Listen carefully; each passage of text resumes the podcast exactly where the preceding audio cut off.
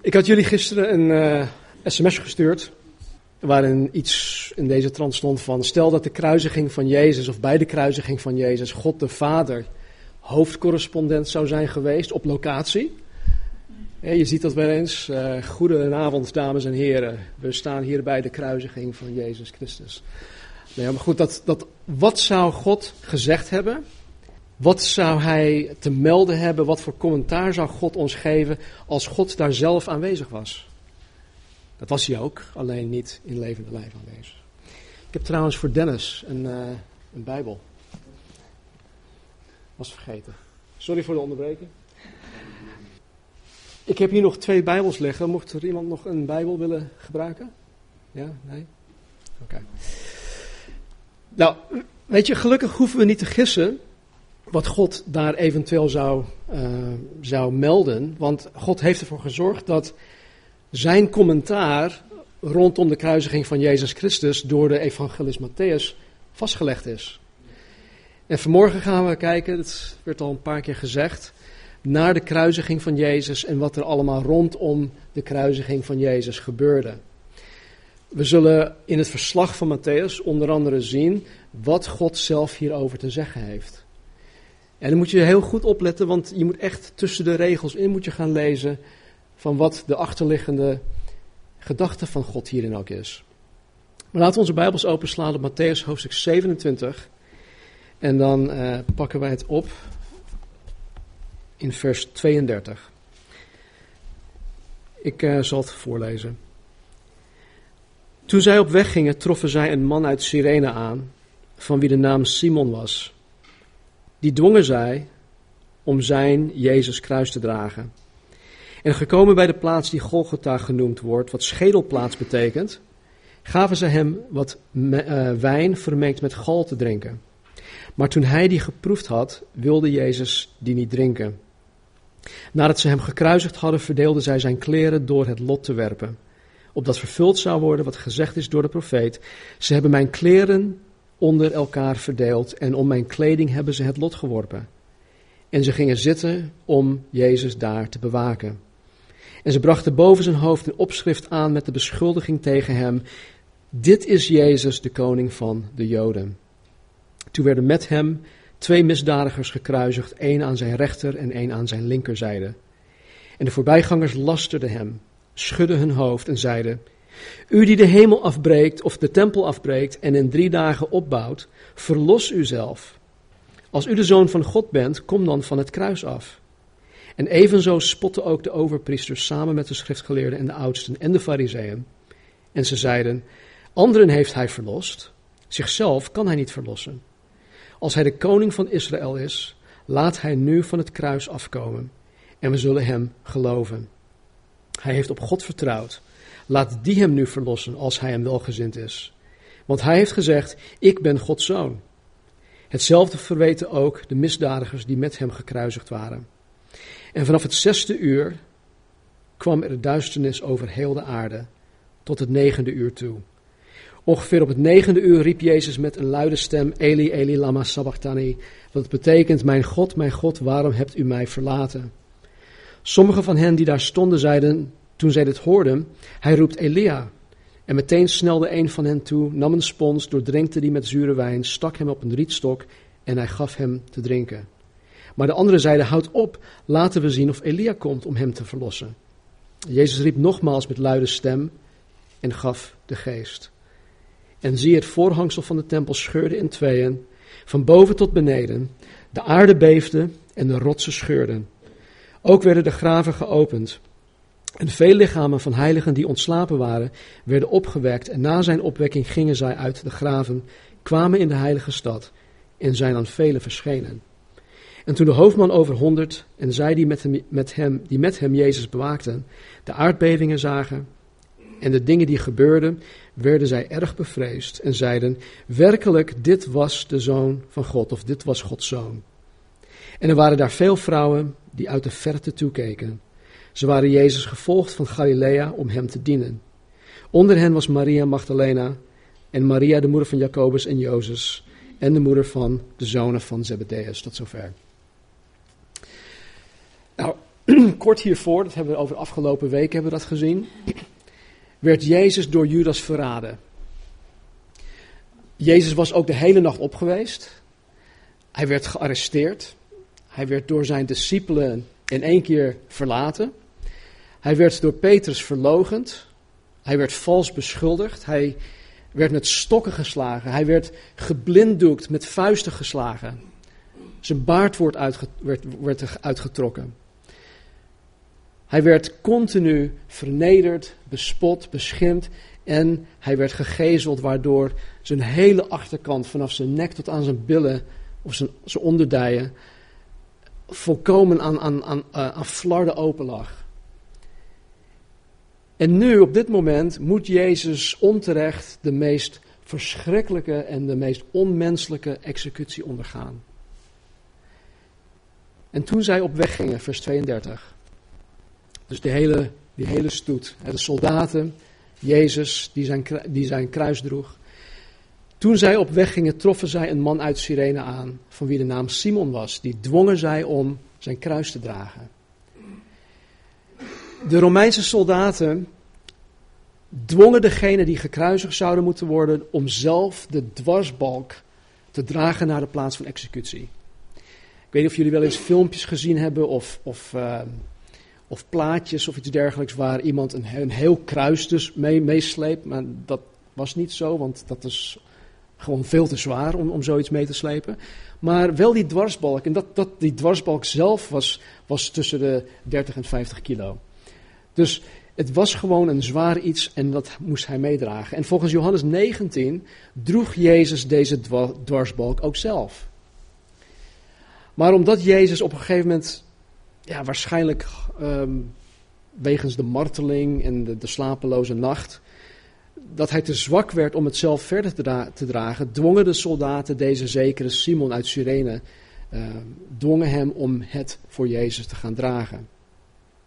Nou, deze Simon die was waarschijnlijk een Jood uit Cyrene, wat vandaag de dag Libië is, hè, dus Noord-Afrika. En hij was daar in Jeruzalem om het paasfeest te vieren, zoals heel veel mensen vanuit um, ja, alle landstreken naar Jeruzalem toe kwamen om het paasfeest te vieren. En ja, behalve dat Marcus 15 zegt dat deze Simon de vader van Alexander en Rufus is, uh, weten we verder niks over, um, over Simon, of over deze man. En ja, dat, dat Marcus en Alexander überhaupt genoemd worden in, uh, in het evangelie van Marcus betekent dat zij waarschijnlijk bekend waren bij zijn lezers van die tijd.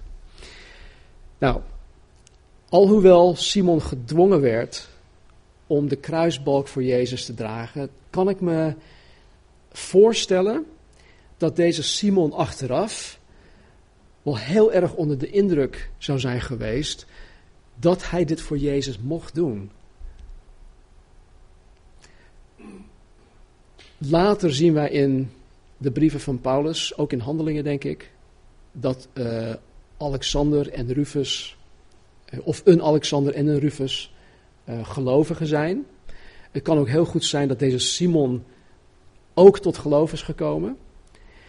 En ik kan me dus voorstellen, mocht dat zo zijn, dat deze Simon de rest van zijn leven zoiets had van: wauw, ongelooflijk, ik heb de dwarsbalk van Jezus gedragen.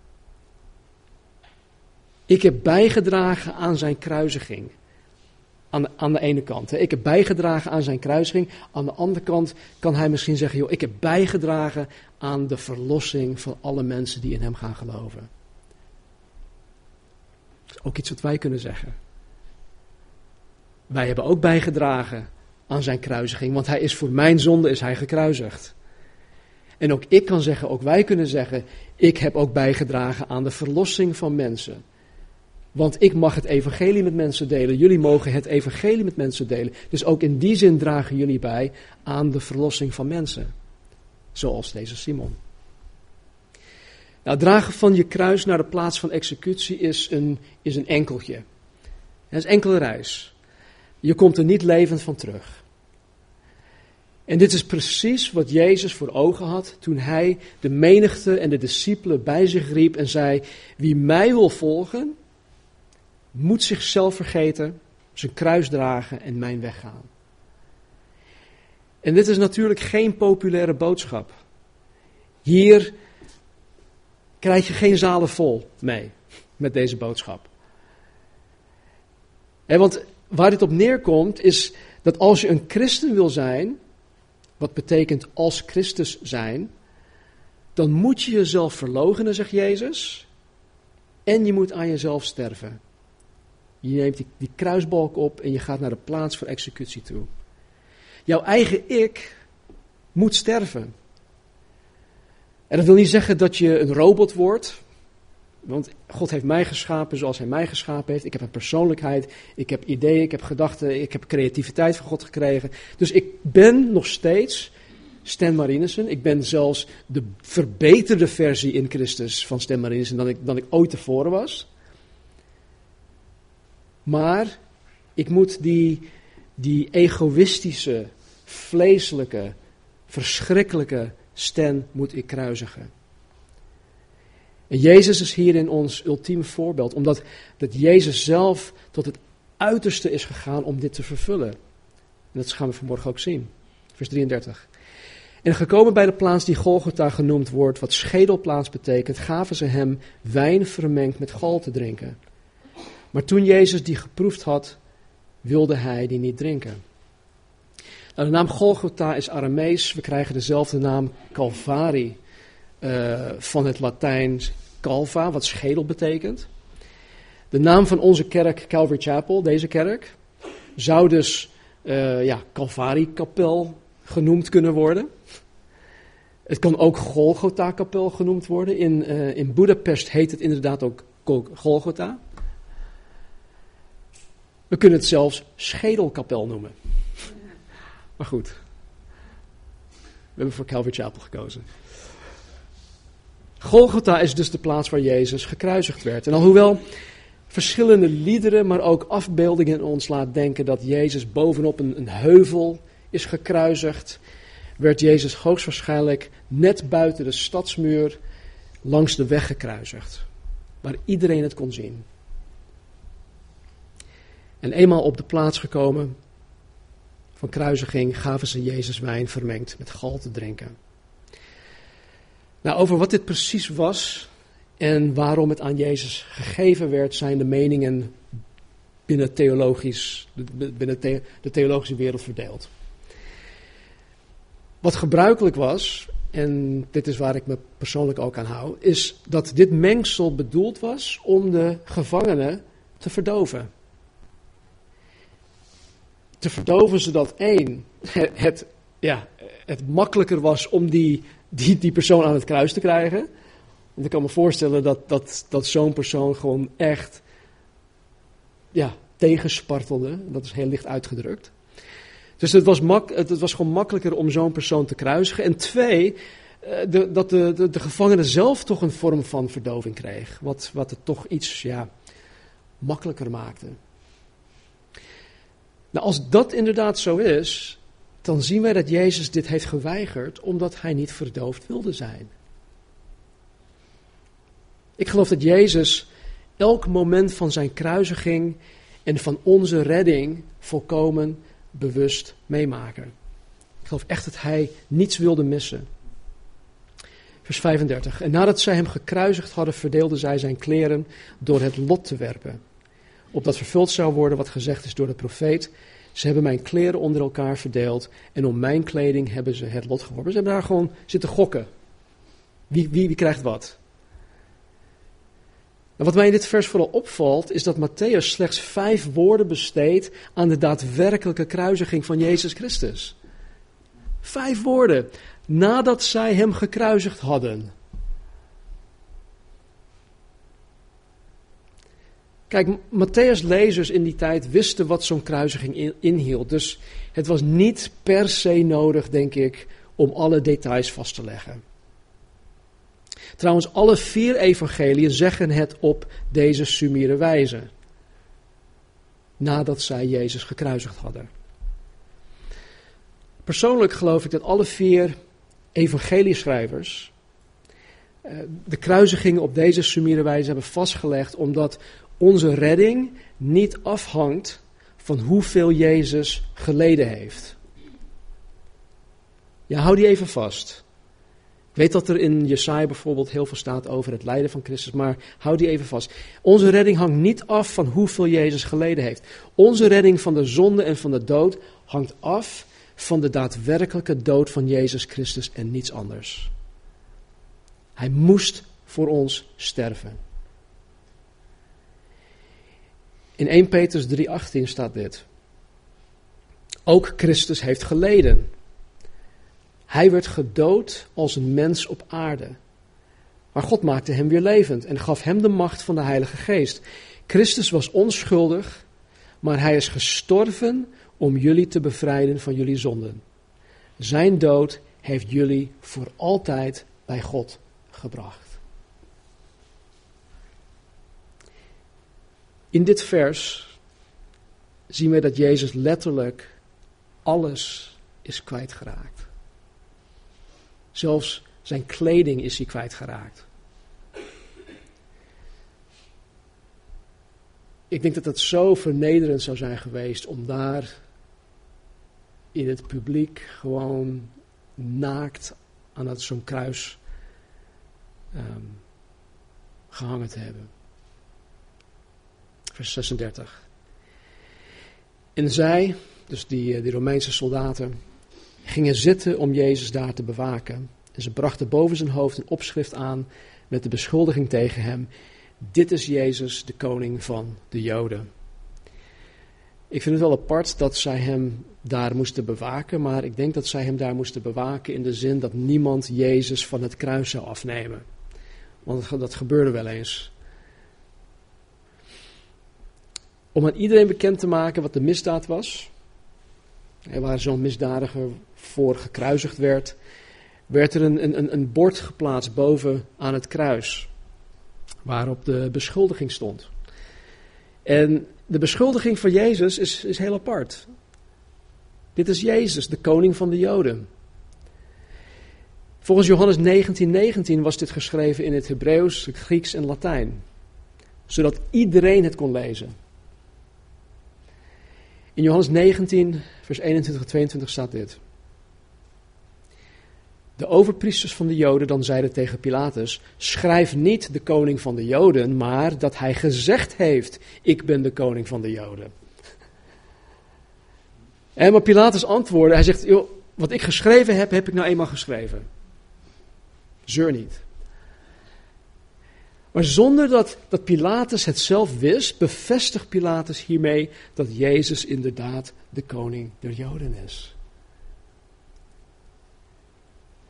Daarvoor zei hij ook nog: het is, het is goed dat één mens voor alle. Nee, dat was niet Pilatus. Maar iemand zei ook: het is goed dat één mens voor allen sterft.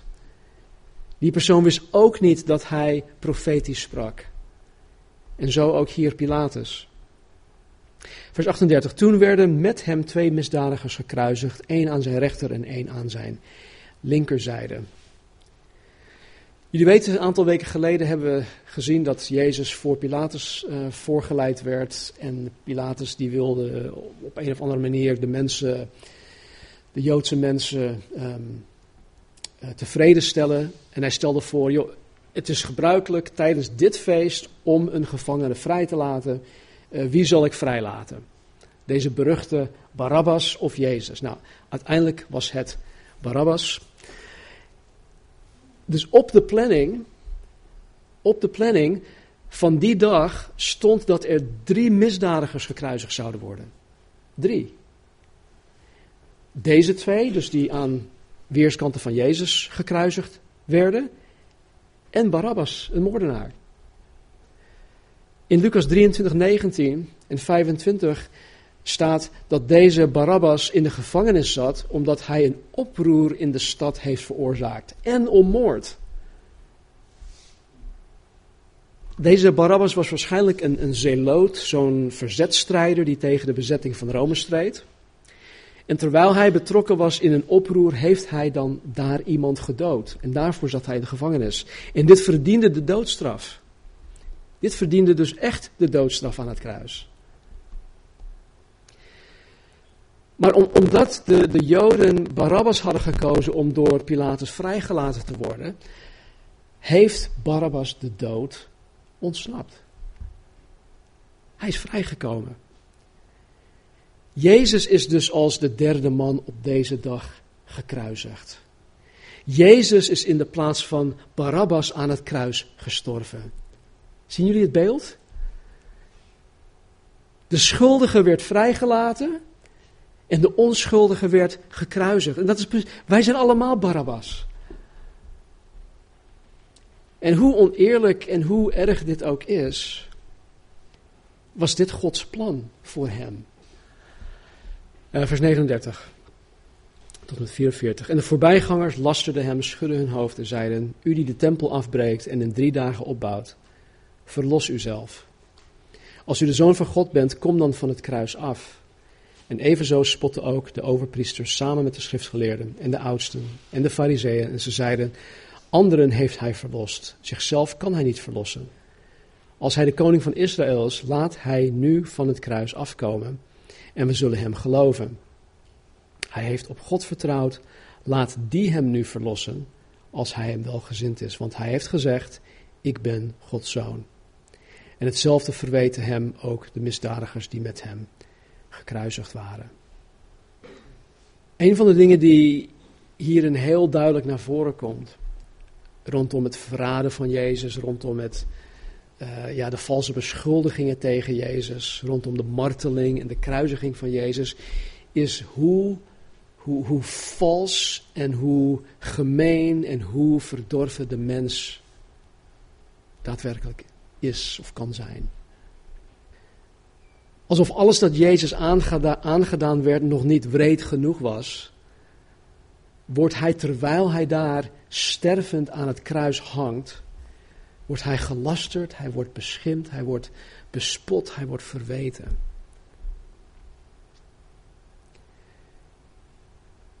En wat ik hierin zie is, is ja, aan de ene kant de, de valsheid van de mens. Maar wie en wat hier daadwerkelijk achter schuilt, is Satan zelf. Satan wilde Jezus vanaf het begin al vernietigen.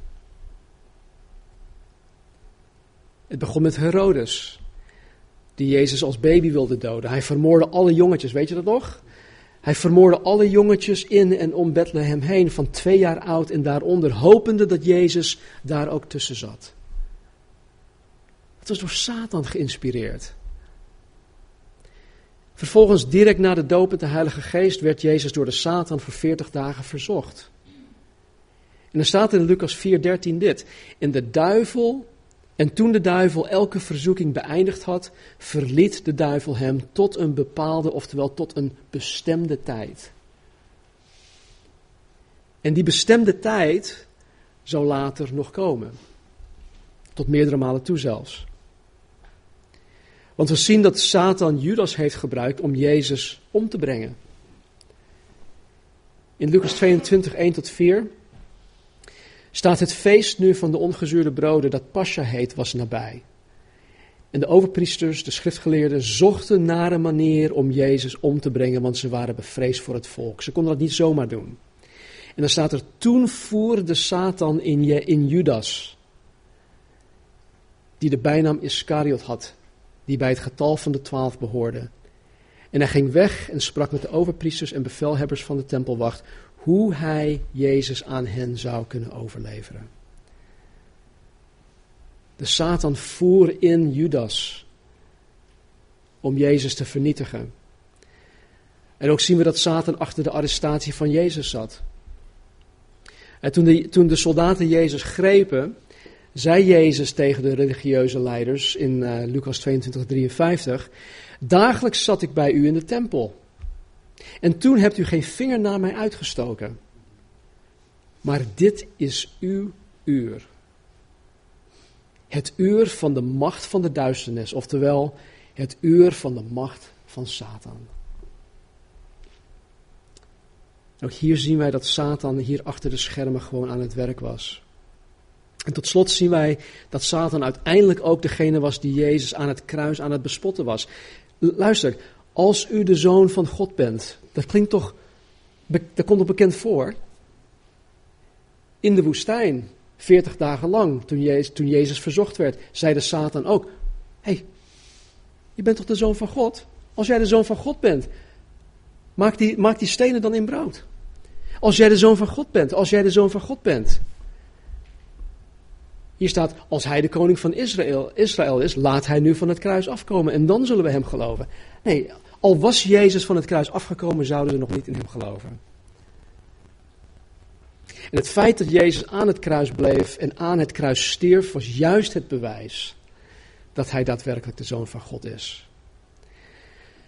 En weet je, terwijl dit allemaal gaande was, terwijl dit allemaal gebeurde, gebeurt er iets aan het kruis. Jezus bidt voor degene die hem dit aandoen.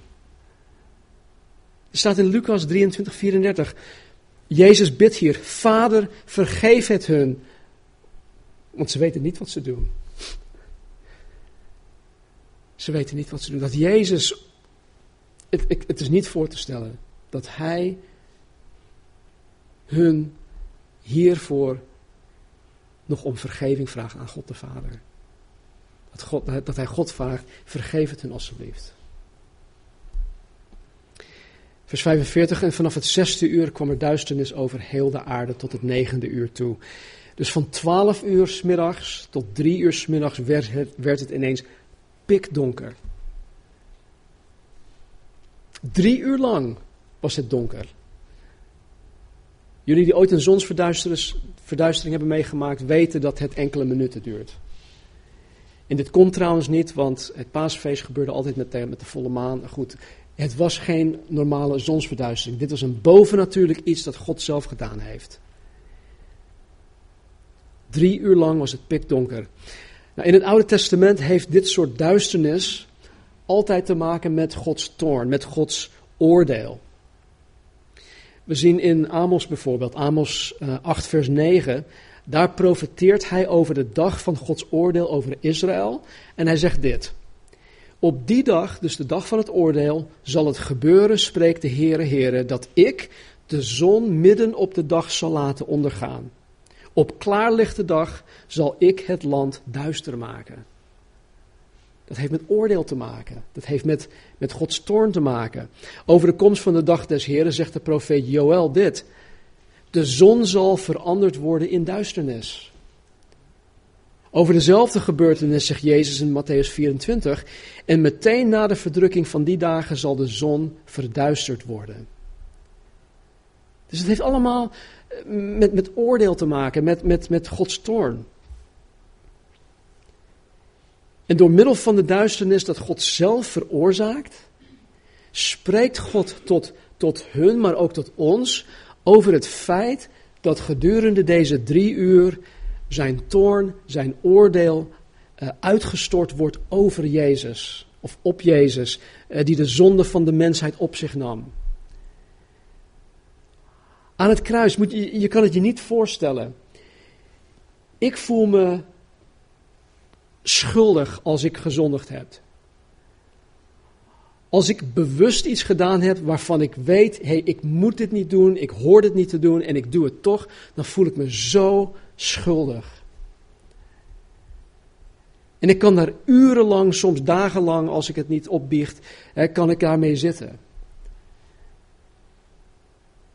Nu moet je je voorstellen, Jezus Christus, die nooit een zonde gekend heeft in zijn hele bestaan hier op aarde, die kreeg ineens alle zonden van ons allemaal, van de hele mensheid, van de hele tijd op zich. Met alle gevolgen van dien. En God stortte zijn oordeel en zijn toorn uit over Jezus, omdat het gestraft moest worden. Dus het eerste stukje commentaar dat God zelf aan ons geeft, is dat God hier de zonde aan het kruis oordeelt. God oordeelt onze zonde aan het kruis. En zo erg is onze zonde dat God op zo'n radicale wijze ermee moet afrekenen. En nogmaals, het is mijn zonde die, daar, die Jezus aan het kruis heeft geplaatst. Het is jullie zonde. 46. Ongeveer op het negende uur, dat wil zeggen drie uur s middags, riep Jezus met een luide stem: Eli, Eli, lama sabachthani. Dat betekent: Mijn God, mijn God, waarom hebt u mij verlaten? Drie uur nadat het donker is geworden, schreeuwt Jezus deze woorden uit. Hij schreeuwt ze uit. Kijk, tot op dit moment was Jezus nooit eerder verlaten door God de Vader. Hij, hij, was sowieso door iedereen verlaten. Al zijn vrienden die waren, die waren zoek, die waren, die waren weg. Iedereen heeft hem verlaten, maar hij, tot op dit moment was hij nog nooit verlaten door God de Vader. Hij heeft altijd, at 24-7, heeft hij altijd intieme fellowship met God de Vader gehad. Hij heeft altijd een intieme verbondenheid gehad. Hij heeft altijd een, een volledige eenheid met God de Vader gekend. Hij was nooit, nooit gescheiden van God geweest. Ze waren het nooit oneens met elkaar. Maar op het moment dat Jezus alle zonden van de mensheid op zich nam, dus ook die van ons, moest God de Vader Jezus de rug toekeren. God die volmaakt is, God die heilig is, God die rechtvaardig is, is moest zich van Jezus terugtrekken. Want God kan niets te maken hebben met zonde. God kan niets te maken hebben met zonde. Jezus Christus is de enige mens die absoluut zondeloos is. En om dan alle zonden en alle gevolgen van die op zich te nemen, te krijgen, wat, ja, was, was het ergste dat hij ooit heeft meegemaakt. Dit. Het was niet eens het, het geblinddoekt geslagen worden, of dat zijn baard uitgetrokken worden, of dat hij gegezeld was. Uh, die spijkers door zijn polsen heen. Nee, toen hij aan God de Vader vroeg: Vader, als deze beker aan mij voorbij kan gaan, met andere woorden, is er een, als er een andere manier is om de mensheid te redden, om de mensheid te vergeven, om de mensheid te verzoenen met u, laat die beker mij alsjeblieft voorbij gaan. En hij dacht aan dit moment.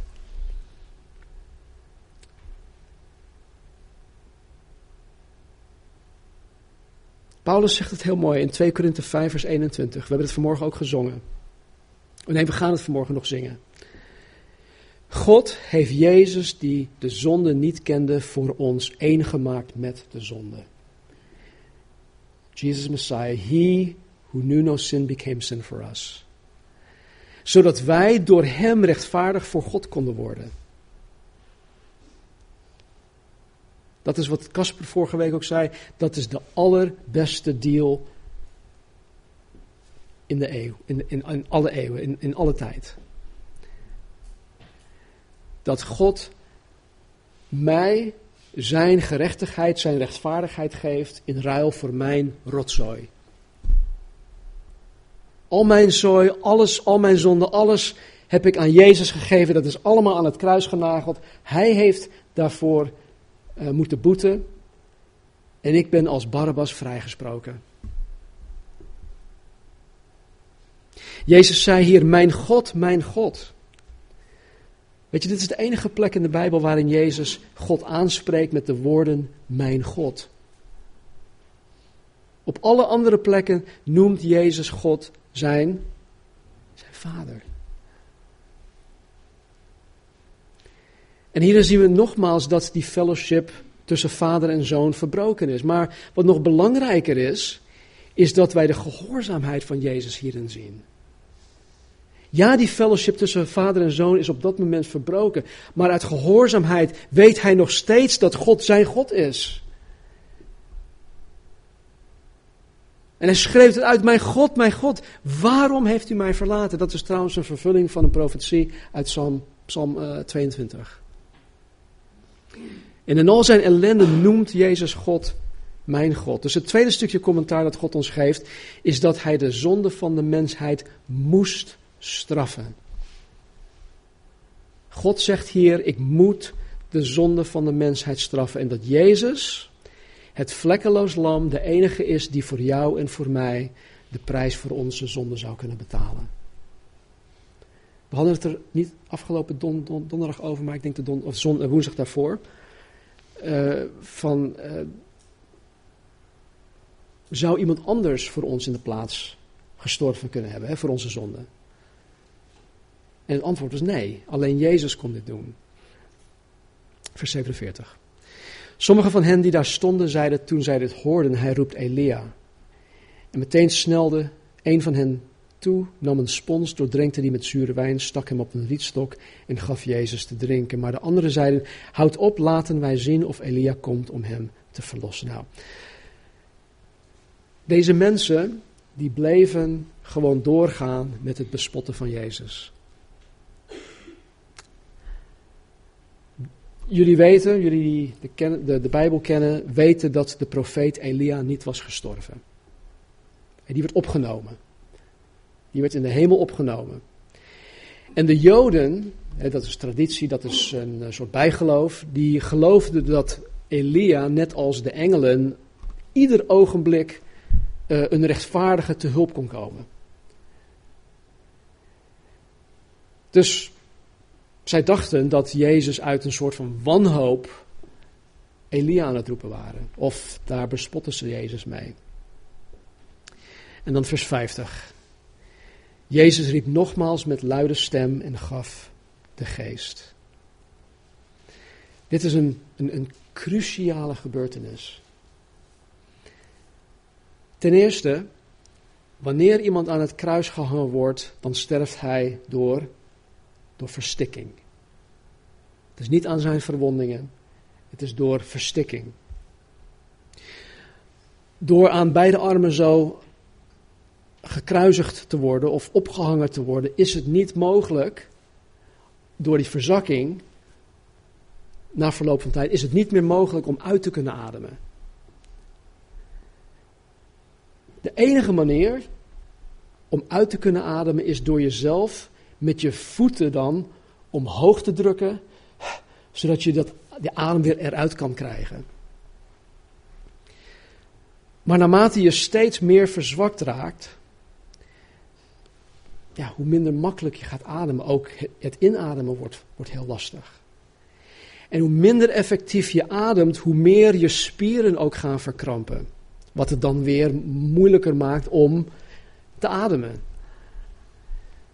Maar soms, soms bleef iemand dagenlang levend aan het kruis. Het, het, het hangt ook af van hoe ze gekruisigd waren. Er waren verschillende manieren. Maar zolang iemand nog de kracht had om zichzelf op te drukken, konden ze nog ademen. En soms duurde het gewoon een paar dagen.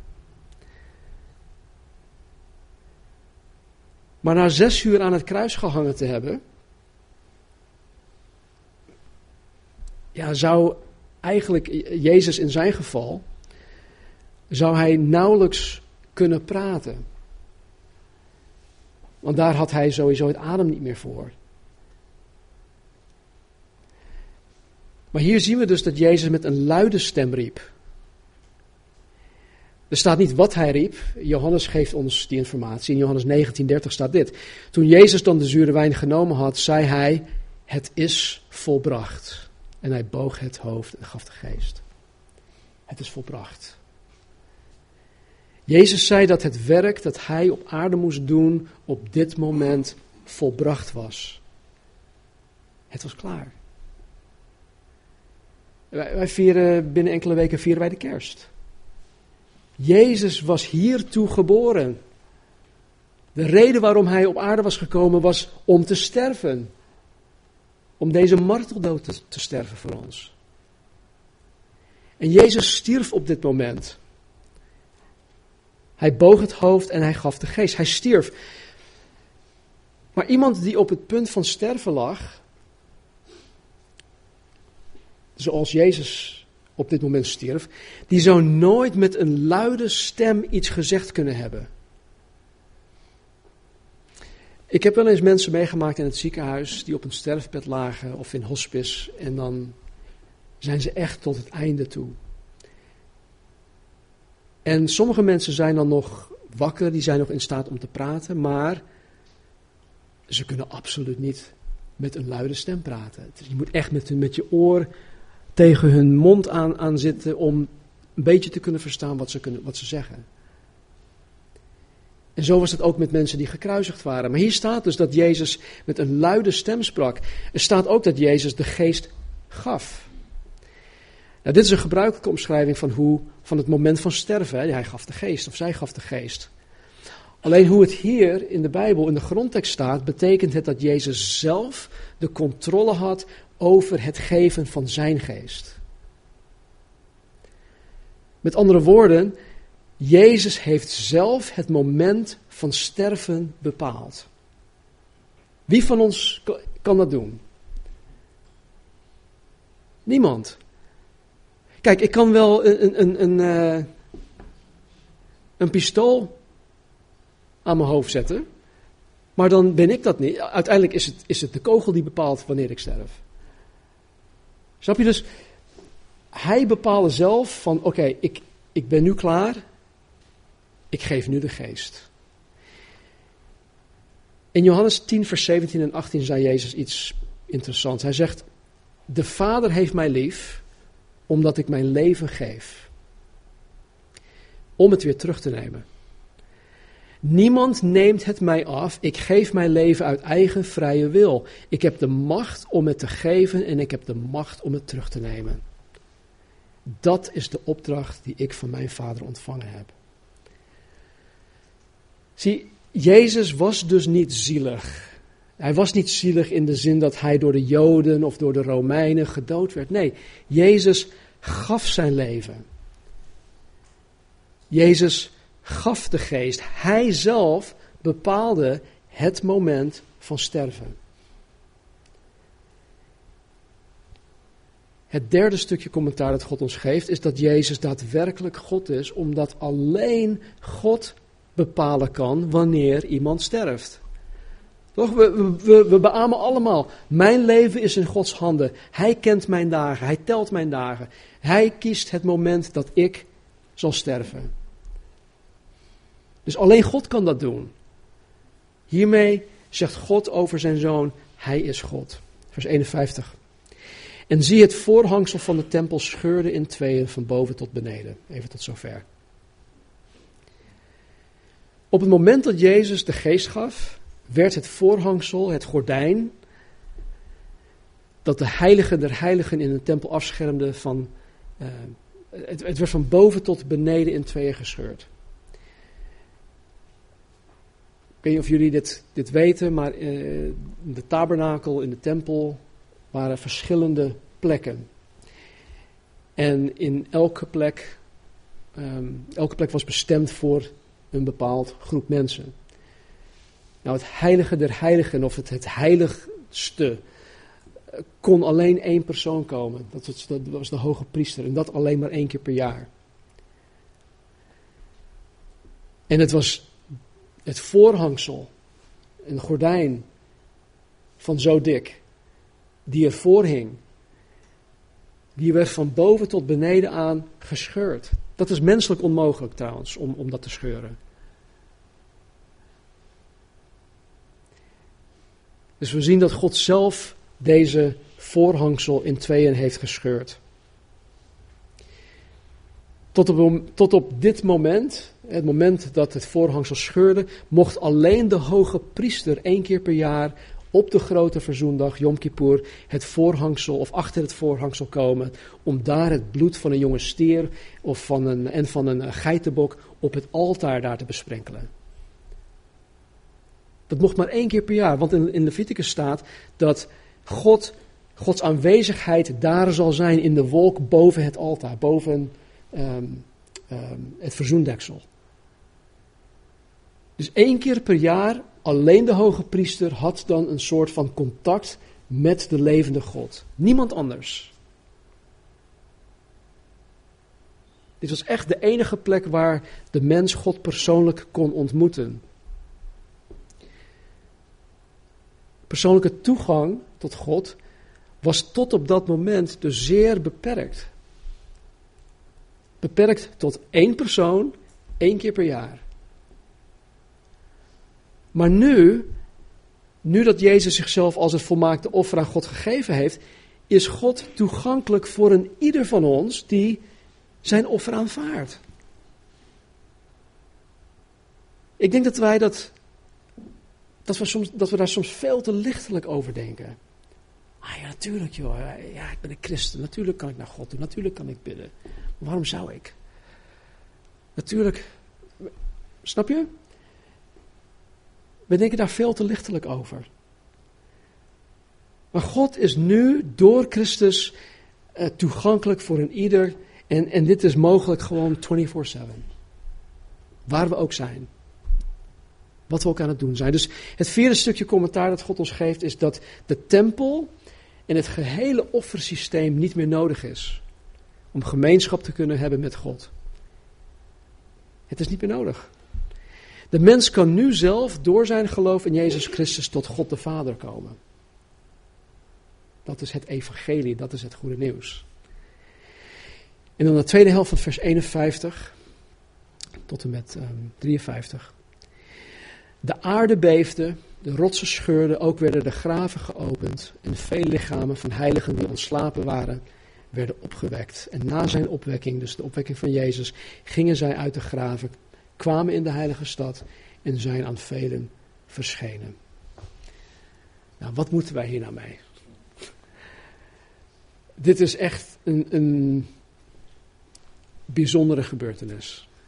Ja, laten we het even daarop houden. En alleen Matthäus heeft dit voor ons vastgelegd. Het is heel lastig, het staat nergens in de Bijbel, nergens anders in de Bijbel. Staat ook niet in, in buitenbijbelse bronnen. Alleen Matthäus heeft het voor ons vastgelegd. Nou, in onze Nederlandse vertaling is de zinsopbouw, denk ik, een beetje ongelukkig uh, neergezet. Ik heb het uh, grondig uh, onderzocht. En het blijkt, althans is mijn mening, dat er eigenlijk, of dat er beter een punt, een, een, een, een volstap, een punt hoort te staan na het woord geopend. Ja, kijk even naar je Bijbel. Na het woord, na het woord geopend. Je zou het dan kunnen lezen als dit.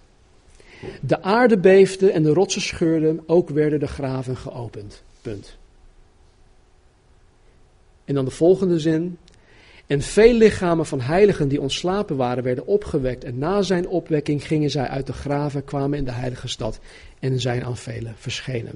Nou, waarom, waarom zeg ik dit überhaupt?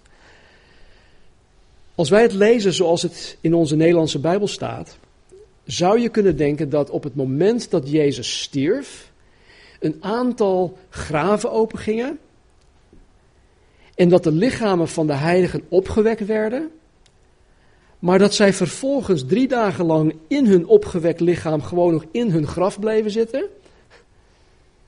En pas na Jezus' opstanding uit hun graf kwamen hey, om de stad in te gaan en zich te laten zien aan alle mensen. Snap je dus?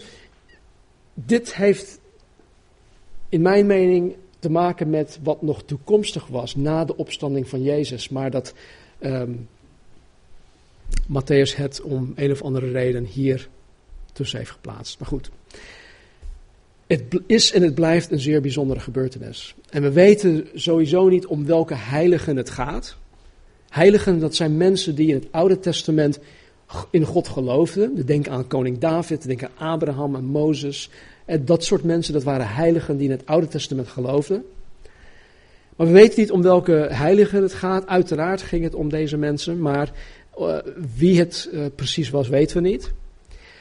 Nou, wat, wat hierin belangrijk is, is denk ik de boodschap dat God ons hiermee geeft. De kruisiging van Jezus zou onvoldoende zijn geweest. De kruisiging van Jezus zou onvoldoende zijn geweest om mij te redden, om ons te redden, zonder de opstanding uit de dood. Dus doordat Jezus uit de dood was opgestaan, zien wij nogmaals dat Jezus daadwerkelijk God was. Want alleen God kan het einde van een mensenleven bepalen. Hij gaf de geest, alleen God kan dat doen. En alleen God kan een gestorven mens zijn of haar opstandingslichaam geven. Alleen God kan dat, niemand anders kan dat. En ik geloof dat deze gebeurtenis ons wijst op de toekomstige opstandingslichaam die wij allemaal zullen gaan krijgen, waar Paulus het over heeft in 1 Korinthe 15. Dus het is een soort profetie of een voorspelling van wat ons nog te wachten staat, dankzij de kruisiging van Jezus Christus. Dankzij de opstanding uit de dood van Jezus Christus. Dus het vijfde stukje commentaar dat God ons geeft, is dat wij die Jezus Christus navolgen. Luister, dit is een hele grote benefit. De dood gaan overwinnen en dat wij een verheerlijk lichaam van God zullen gaan krijgen.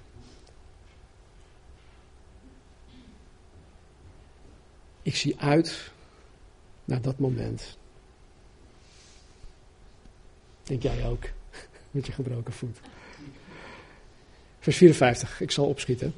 En toen de hoofdman over honderd en zij die met hem Jezus bewaakte de aardbeving zagen en de dingen die gebeurden, werden zij erg bevreesd en zeiden: Werkelijk, dit was Gods zoon. Nou, zo'n hoofdman over honderd, dat wordt ook een centurio genoemd. En Lucas schrijft zelfs dat deze centurio op dit moment God verheerlijkte. Hij zegt dat God, hij, heeft, hij verheerlijkte God op dat moment. Alles wat hij om zich heen zag gebeuren, getuigde van het feit dat Jezus daadwerkelijk degene is die hij beweerde te zijn. En dat hadden we woensdag ook uh, gehoord. Jezus was of een, een, een, een lunatic, wat is dat? Jezus was of helemaal gek, of hij was echt de zoon van God. Er is geen grijs gebied. En zij kwamen tot het besef dat Jezus daadwerkelijk degene is die hij beweerde te zijn. Nou, het allermooiste van dit moment is dat Jezus zelfs degene die hem gekruisigd hadden, vergaf en redde. Stel je voor, je hebt degene die, die, die, die de nagels, die de spijkers door je polsen heeft geslagen. Die, die, die zitten dan aan de voet van het kruis om jou te bewaken. Die komen ineens tot het besef, u bent daadwerkelijk de Zoon van God, die komen tot geloof, die zijn dan gered. Degene die hem hebben gekruisigd, heeft Jezus zelfs gered. En ik geloof dat wanneer iemand vandaag de dag Jezus Christus ziet als de Messias, de redder, de verlosser, eh, de God van de Bijbel, dat hij of zij net zoals deze centurio tot een, tot een eh, levend geloof zal komen. Luister goed, hè, dit is het zesde stukje commentaar. Jezus, Gods zoon, is de enige echte Messias. En het maakt absoluut niet uit wat voor slecht je ooit in je leven hebt gedaan of wat voor slecht je nu mee bezig bent. Het maakt niet uit, want Jezus kan en wil jou vergeven. Vers 56, 55, sorry. En er waren daar veel vrouwen die uit de verte toekeken. Ze waren Jezus gevolgd van Galilea om hem te dienen. Dat is zo mooi. Hè? Die vrouwen die gingen gewoon op, op tour mee met Jezus en de discipelen om Jezus te dienen. Om Jezus te voorzien van eten. Om Jezus waarschijnlijk ook te voorzien van geld. Jezus had helemaal niks. En deze vrouwen die gingen met hem mee. Ze waren hem helemaal gevolgd vanuit Galilea om hem te dienen. En onder hen was Maria Magdalena, Magdalene, dat betekent gewoon dat zij uit Magdala kwam. Maria, de moeder van Jacobus en Jozef en de moeder van de zonen van Zebedeus. De andere evangeliën, die, uh, die noemen nog, nog ook wat andere mensen. Maar de vraag is, waar waren al de mannen dan? Waar waren al die mannen gebleven?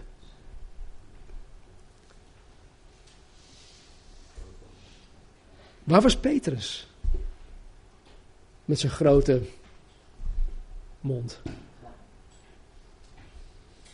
Al zouden alle anderen jullie u verloochenen, ik zal u nooit verloochenen. Waar was Petrus?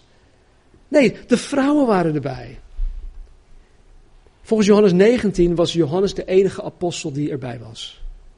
De enige mannelijke volgeling van Jezus Christus.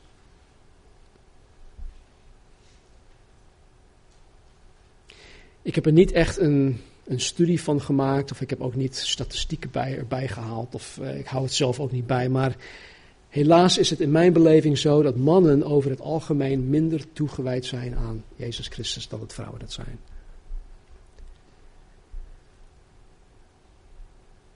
Oké, tot slot dit.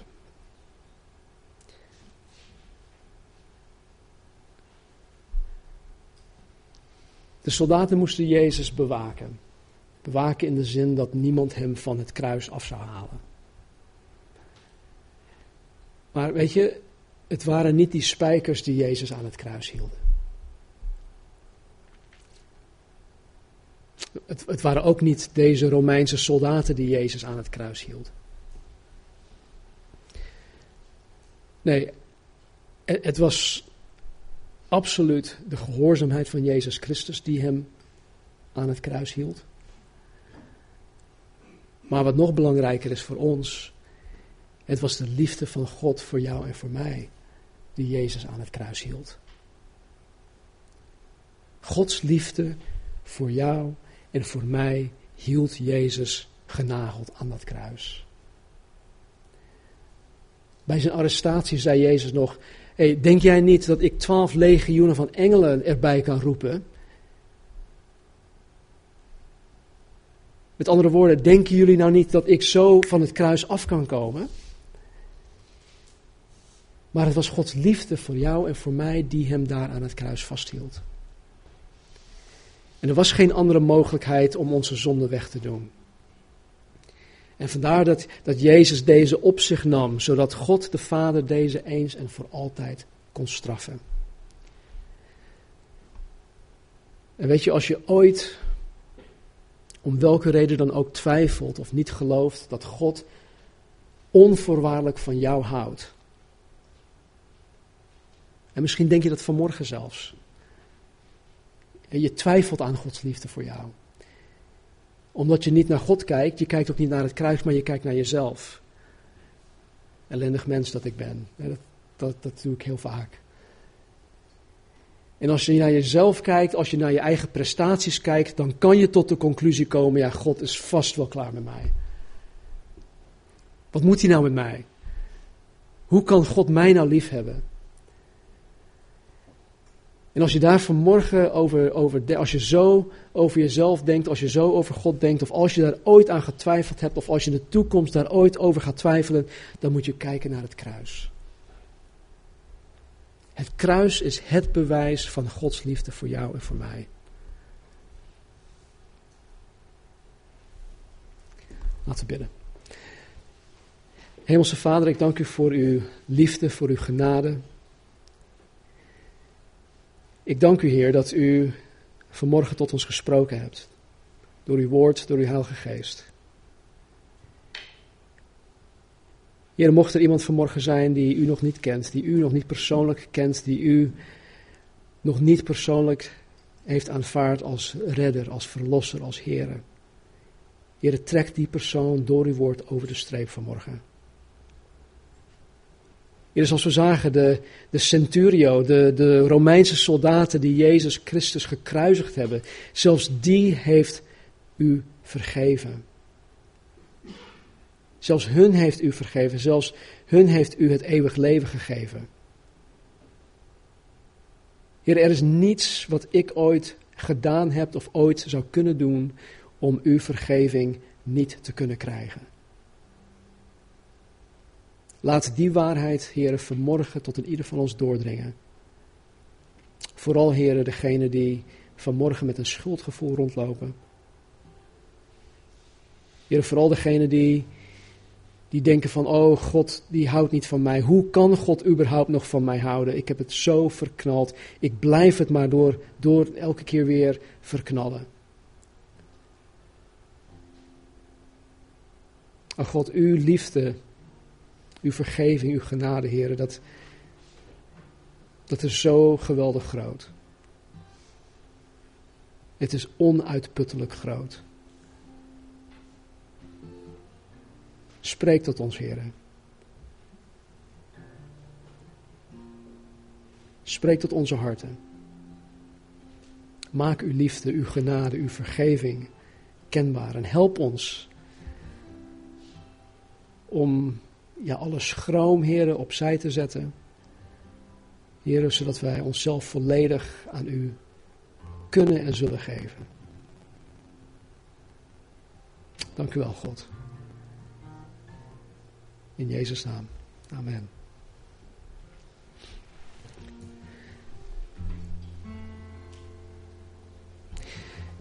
Paulus zegt in 1 Korinthe 1:23: Joden verlangen wonderen en tekenen.